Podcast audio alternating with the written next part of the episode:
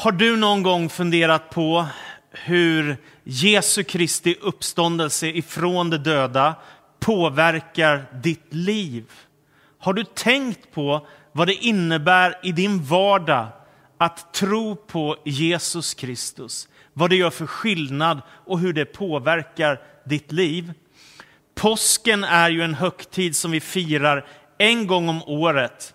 Och det är högtidligt att få vara med, kanske att fira gudstjänst i en välfylld kyrka, när vi påminner oss om vad som hände under påskhögtiden i Jerusalem när Jesus dog och uppstod. Men det är en sak. Frågan är, hur påverkar det dig en helt vanlig måndag? När du är på din skola eller ditt universitet eller när du är på arbetet eller när du sitter där hemma, om du är pensionär kanske. Hur påverkar det dig, tron på Jesus Kristus som uppstånden ifrån de döda? Vad får det för konsekvenser i ditt liv att ha den bekännelsen eller fundera på om du faktiskt skulle kunna hitta fram till den tron i ditt eget liv? Jag menar att berättelsen om Jesu Kristi uppståndelse ifrån de döda, det är den starkaste och mest hoppfulla berättelse som den här världen någonsin har fått höra.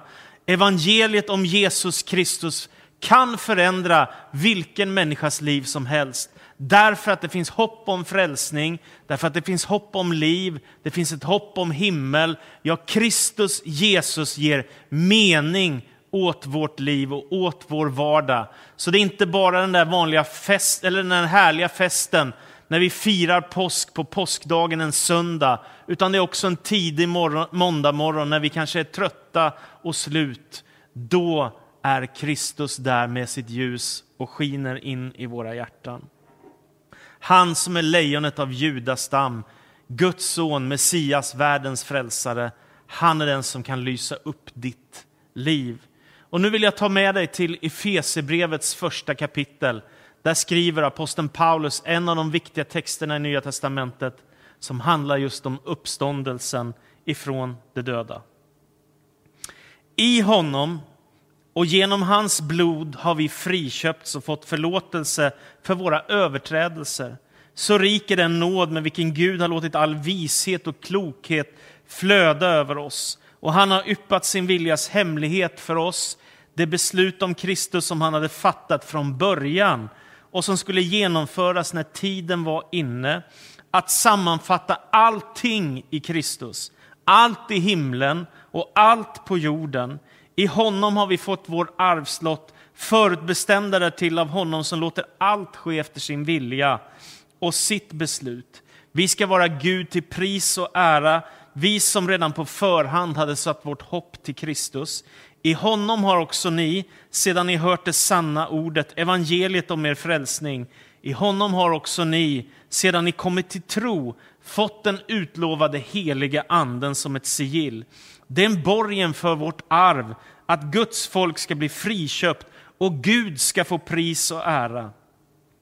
Jag upphör därför aldrig att tacka Gud för er när jag nämner er i mina böner, sedan jag nu har hört om er tro på Herren Jesus och er kärlek till alla de heliga.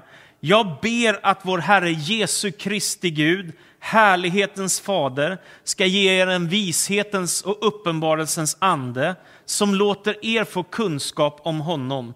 Må han ge ert inre öga ljus så att ni kan se vilket rikt hopp han har kallat oss till, vilket härligt arv han ger oss bland de heliga, hur väldig hans styrka är för oss som tror, samma oerhörda kraft som han med sin makt lät verka i Kristus när han uppväckte honom från de döda och satte honom på sin högra sida i himlen, högt över alla härskare och makter och krafter och herravälden, över alla namn som finns att nämna, såväl i denna tiden som den kommande. Ja, allt la han under hans fötter.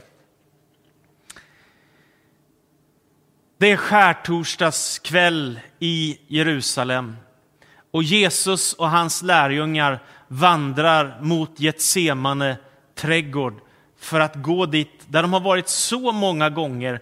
Den här vackra platsen med de gamla fina mäktiga träden som ligger precis utanför Jerusalems gamla stad, där jag själv också har vandrat. Getsemane, platsen där Jesus inser vilket oerhört lidande han ska gå igenom under påskhelgen som ligger framför.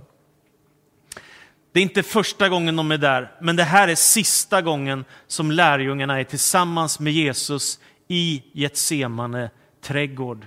Och de är där en väldigt speciell påskhelg. Lärjungarna förstår inte riktigt vad som är på väg att hända, men Jesus vet, vet det mycket väl och därför så går han undan för att be. Han drar sig undan för att få vara själv inför Fadern. Och när han är i bön så drabbas han av en ängslan och ångest och själslig bedrövelse så djup att han säger själv, min själ är bedrövad till döds. Och Jesus kämpar i bön. Och så går han tillbaka till sina lärjungar och ser att de ligger och sover. Och han väcker dem och säger, be med mig nu, vaka med mig nu den här svåra stunden. Och så går han iväg för att be igen och han säger, Fader låt denna bägare gå förbi mig om det är möjligt, men inte som jag vill, utan som du vill.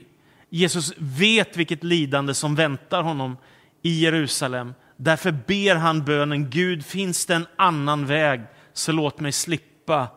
Men Jesus går sedan tillbaka till lärjungarna en andra gång och de sover igen. Och Jesus väcker dem och samtalar med dem. Sen går han tillbaka en tredje gång för att vara i bön. Och nu står det att Jesus är så drabbad av ångest. Han som själv har sagt, var inte rädda, min frid ger jag er, var inte oroliga, Gud är hos er. Nu är han så djupt drabbad av ångest att det står att han svettas blod i ett semane. En sån chockhändelse kan drabba en kropp, det vet man, så att sånt kan hända. Det är extremt ovanligt, men Jesus är chockad inför det som ligger framför och därför droppar det blod ifrån hans kropp. Men där förenas Jesu vilja med Faderns vilja och Jesus inser den här bägaren, billigt talat, lidandets bägare ska han dricka hela vägen i botten och fullborda det som Gud har förberett för världen. Och så är Jesus redo att dö för oss. Det är då det händer.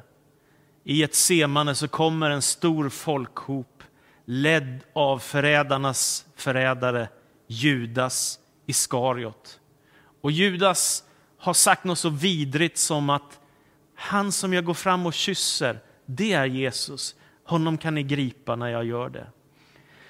Så Judas ger sig av när han ser Jesus rakt emot Jesus. Han går fram till honom, han kysser honom på kinden och Jesus säger till Judas Iskariot, Judas, förråder du Människosonen med en kyss? Nu har du gjort ditt.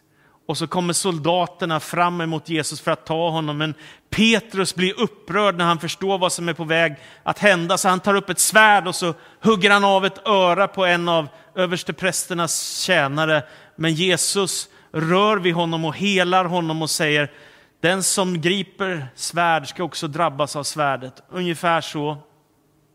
Och Jesus botar mannen som just har blivit drabbad utav det här våldet. Och istället så skingras lärjungarna och Jesus tas till fånga för att föras till översteprästen Kajafas där han ska ställas till svars för sitt liv. Och så kommer Jesus till Kajafas, översteprästen i Jerusalem. Och så kommer de med massa falska vittnen som har lögner och påståenden om Jesus som inte är sanna. För de tänker att vi måste hitta någonting som gör att vi kan döma Jesus till döden. Eftersom han rör upp så mycket stämningar, tusentals människor samlas kring Jesus. Mängder av människor har blivit helade från sjukdomar. Brödunder har skett. Det har hänt fantastiska saker och Jesus undervisar med en makt som ingen annan. Därför tänker de vi måste röja honom ur vägen. Och falska vittnen kommer den ena efter den andra, men ingen lyckas säga något som gör att det finns någon anledning att döma Jesus till döden. Till sist så reser sig översteprästen upp och så säger han till Jesus, har du ingenting att svara på alla de här beskyllningarna? Och så säger översteprästen, är du Messias, Guds son? Och Jesus säger, du själv säger att jag är det. Och översteprästen blir så upprörd efter att Jesus har sagt att du ska få se Människosonen komma på himlens skyar. Så han river sönder sina kläder och så säger han, man, den mannen har hädat, ni har själva hört och sett vad han har sagt. Vad ska vi nu med vittnen till? Ni vet själva hur han har hädat inför Gud. Och så förs Jesus ifrån Kajafas till Pontius Pilatus som är den romerske guvernören i Israel. Och så ställs Jesus istället inför Pontius Pilatus. När Judas Iskariot som har förrått Jesus inser vad som håller på att hända med Jesus, att Jesus nu riskerar att bli dömd och att han kan bli dödad, så inser han att han har förrått en oskyldig frälsargestalt. Han börjar förstå vad det är som han har varit med om. Så han går till översteprästen och tar med sig de 30 silvermynt som han har fått av översteprästen och hans tjänare och säger jag har förrått oskyldigt blod och så vill han lämna tillbaka pengarna. Och då säger de, det är din sak, vad har vi med det att göra? Det där är ditt bekymmer. Och Judas blir så ledsen, så upprörd så han kastar pengarna in i tempelhuset och så går han därifrån och så står det att han hänger sig och han tar livet av sig själv. En ofattbar tragedi med en man som förråder Jesus Kristus, Guds son och världens frälsare.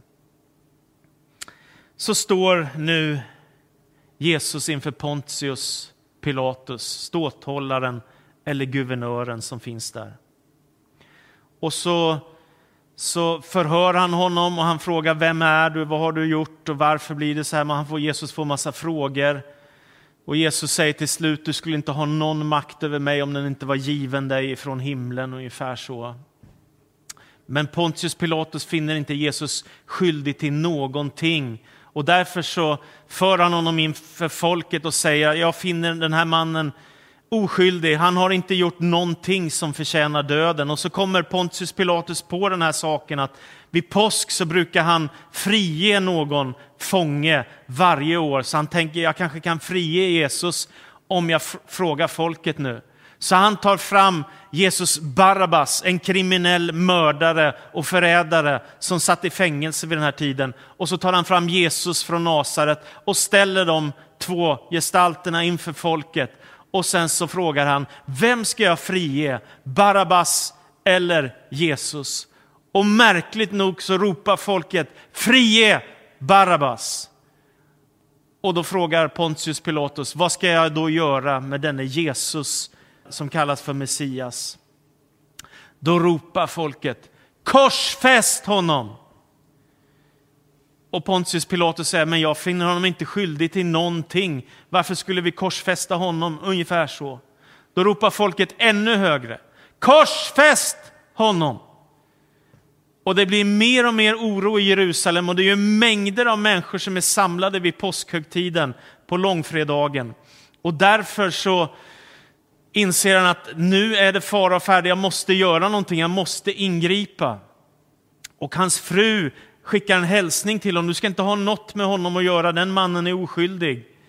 Så Pontius Pilatus han tar fram ett kar av vatten framför folket och så ställer han sig där och så tvår han sina händer och så säger han, jag är oskyldig till den här mannens blod. Jag har inget med detta att göra, det är ni som gör att han blir dömd. Jag vill inte döma honom, men ni dömer honom. Och då säger de, må hans blod komma över oss, korsfäst honom.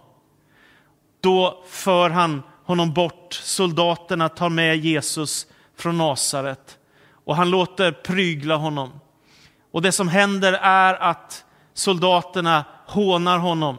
De sätter på honom en röd soldatkappa och sen så tar de en krans utav törn och trycker in i hans huvud så att blodet börjar rinna och så faller de ner på knä och säger med hånfulla ögon, detta är judarnas konung. Och så skrattar de och de spottar på honom och de slår honom. Och sen så tar de fram en piska och vid den här tiden så hade man romerska piskor med läderremmar som ytterst, längst upp på toppen, hade bly, vassa blydelar och stenar. Och sen så tog man det och så slog man på den som skulle pryglas. 40 minus ett slag, alltså 39 slag på ryggen, vilket ju måste fullständigt har förstört Jesu rygg inför korsfästelsen. När det är färdigt så delar soldaterna upp kläderna emellan sig och sen så för de honom till korset. Och Jesus tillsammans med en annan man bär korset upp till Golgata där Jesus ska korsfästas i Jerusalem. De lägger ner honom vid korsträdets stam och så spikar de grova spikar genom hans handleder och de spikar en spik genom hans fötter och så hissar de upp korset där han nu står, där han nu är fastspikad mellan himmel och jord.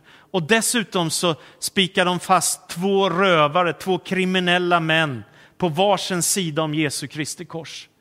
Och den ena av dem hånar Jesus fast han vet att han ska dö och säger du som har gjort så mycket, ska inte du hjälpa oss nu? Liksom. Men den andra han säger Jesus, när du kommer till ditt rike så tänk på mig. Och då svarar Jesus, redan idag ska du vara med mig i paradiset. Jag älskar det så mycket. Den första som kommer till himlen efter Jesu död, det är en rövare i Jerusalem. Jesus hänger på korset i timmar och det är ett ofattbart lidande naturligtvis att ha en sönderpiskad rygg och ha fått spikar drivna genom handlederna och genom fötterna och hänga där i timmar utav lidande. Men det är inte det enda lidande som Jesus bär, utan Jesus ska på korset bära hela mänsklighetens synd. All ondska, all djävulskap, all synd, allt det destruktiva i hela mänskligheten ska Kristus bära i sin egen kropp på Golgata kors.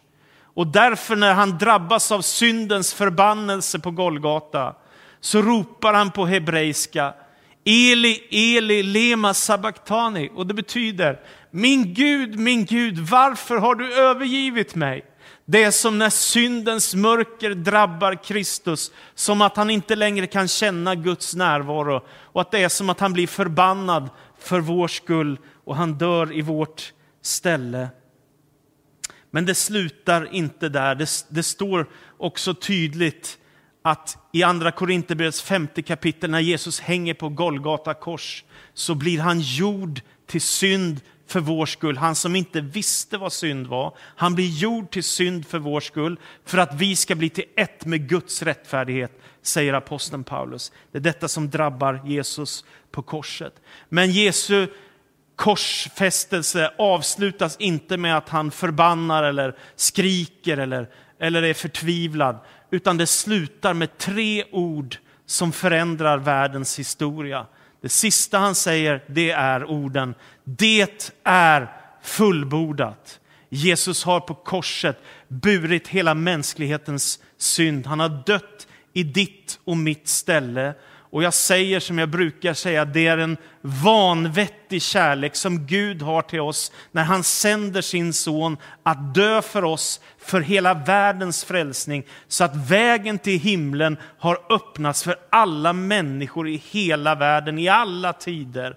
Gud segrar över synden, över döden, över ondskan genom att Jesus Kristus dör för oss på ett kors finns en pastor i USA som heter T.D. Jakes. Han är afroamerikan och leder en jättestor kyrka med ungefär 20 000 medlemmar. Han var en av dem som höll tal på den berömda artisten Whitney Houstons begravning som ju var en väldigt tragisk händelse. Hon dog ju mitt i livet.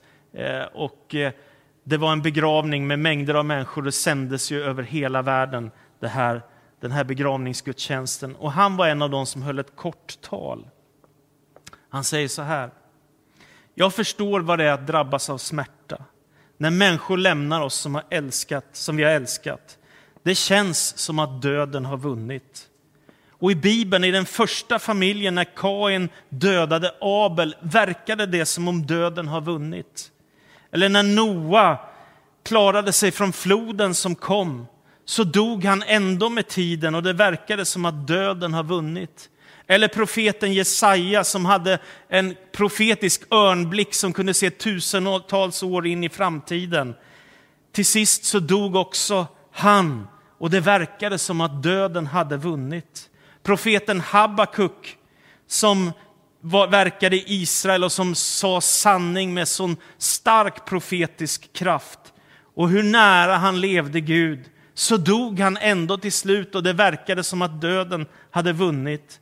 Vetenskapsmän, astronauter, politiker, stora tänkare, hur framgångsrika de än har varit, så dog de ändå allihop. Och det verkade som att döden hade vunnit. Men Bibeln säger att kärleken är starkare än döden. Och för 2000 år sedan, en tidig söndagmorgon, så skedde det ofattbara när kärleken segrade över dödens makt. Så bra sagt. På påskdagen i Jerusalem, i gryningen på söndagen, en tidig morgon, så sker detta ofattbara att Gud blåser i sin basun ifrån himmelen och Jesus Kristus uppstår ifrån de döda. Det omöjliga blir möjligt i Kristi liv tack vare Guds ofattbara makt genom den helige Ande. Och Kristus uppstår ifrån de döda och en ängel kommer från himlen och rullar undan stenen framför graven. Och det är därför när Maria och de andra kvinnorna kommer till graven för att smörja Jesu kropp så är stenen bortrullad och graven är tom och de fattar ingenting. Vad är det som har hänt? Var är Jesus någonstans? Och det är då de får höra ängens röst som säger, han är inte här, han har uppstått ifrån de döda. Och helt plötsligt så är han där, Jesus Kristus. Fullt levande igen, fysiskt närvarande. Och Maria som står där och gråter, till henne säger han, Maria, varför gråter du? Och Maria tror att det är trädgårdsmästaren. Men Jesus säger igen Maria och så vänder hon sig om och så ser hon att det är Jesus som är uppstånden ifrån de döda, lever igen. Och hon blir fullständigt överväldigad och inser vilket mirakel som har skett genom att Gud har uppväckt Kristus ifrån de döda för att segra över dödens och ondskans makt. Jesus svettas blod i ett semane för vår skull. På långfredagen så dör han för våra synder. På påskafton stiger han ner i dödsriket och proklamerar sin seger och tar nycklarna ifrån den onde själv till döden och dödsriket. Och på påskdagen så uppstår han ifrån de döda för att segra över dödens makt så att den som tror på honom inte ska gå under utan ha evigt liv, säger skriften. Det är något ofattbart som har skett. Det här är den mest hoppfulla story du någonsin kommer att få höra. Vad innebär nu detta för oss då? Jo, det innebär, vi har ett löfte. Om du tror på Jesus Kristus som Guds son och världens frälsare, tar emot honom i ditt hjärta, blir döpt i vatten och börjar följa honom, så har du ett löfte att han är med dig alla dagar in till tidens slut. Hela ditt liv kommer Kristus att följa dig.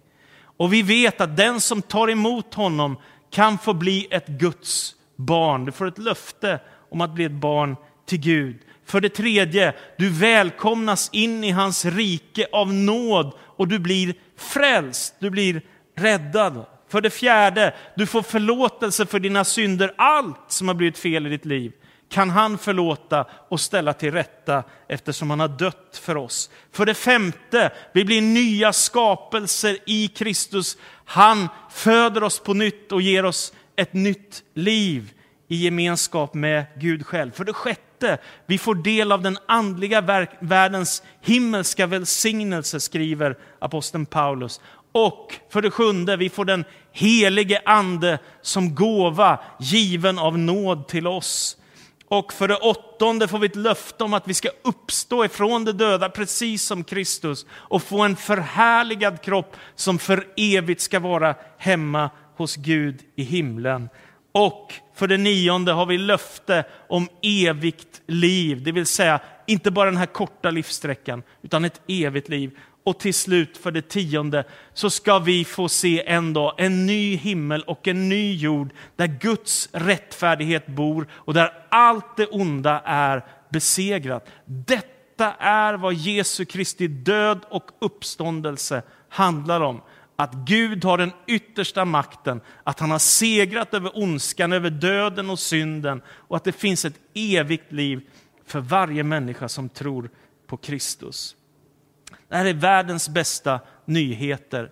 Och det, det enda du behöver göra det är att öppna ditt hjärta för evangeliet och sätta din tro till Jesus Kristus. Utan honom har du inget hopp mer än detta livet. Med Kristus har du ett löfte om syndernas förlåtelse, om evigt liv, om gemenskap med Gud, om att du kan leva och dö med honom och att du ska få vara hos Gud för evigt. Därför, sök dig nära Gud, sök dig nära Jesus, börja följa honom, ge ditt hjärta till honom, så får du något mycket större att leva för än bara dig själv och ditt eget lilla liv. Du får det stora perspektivet.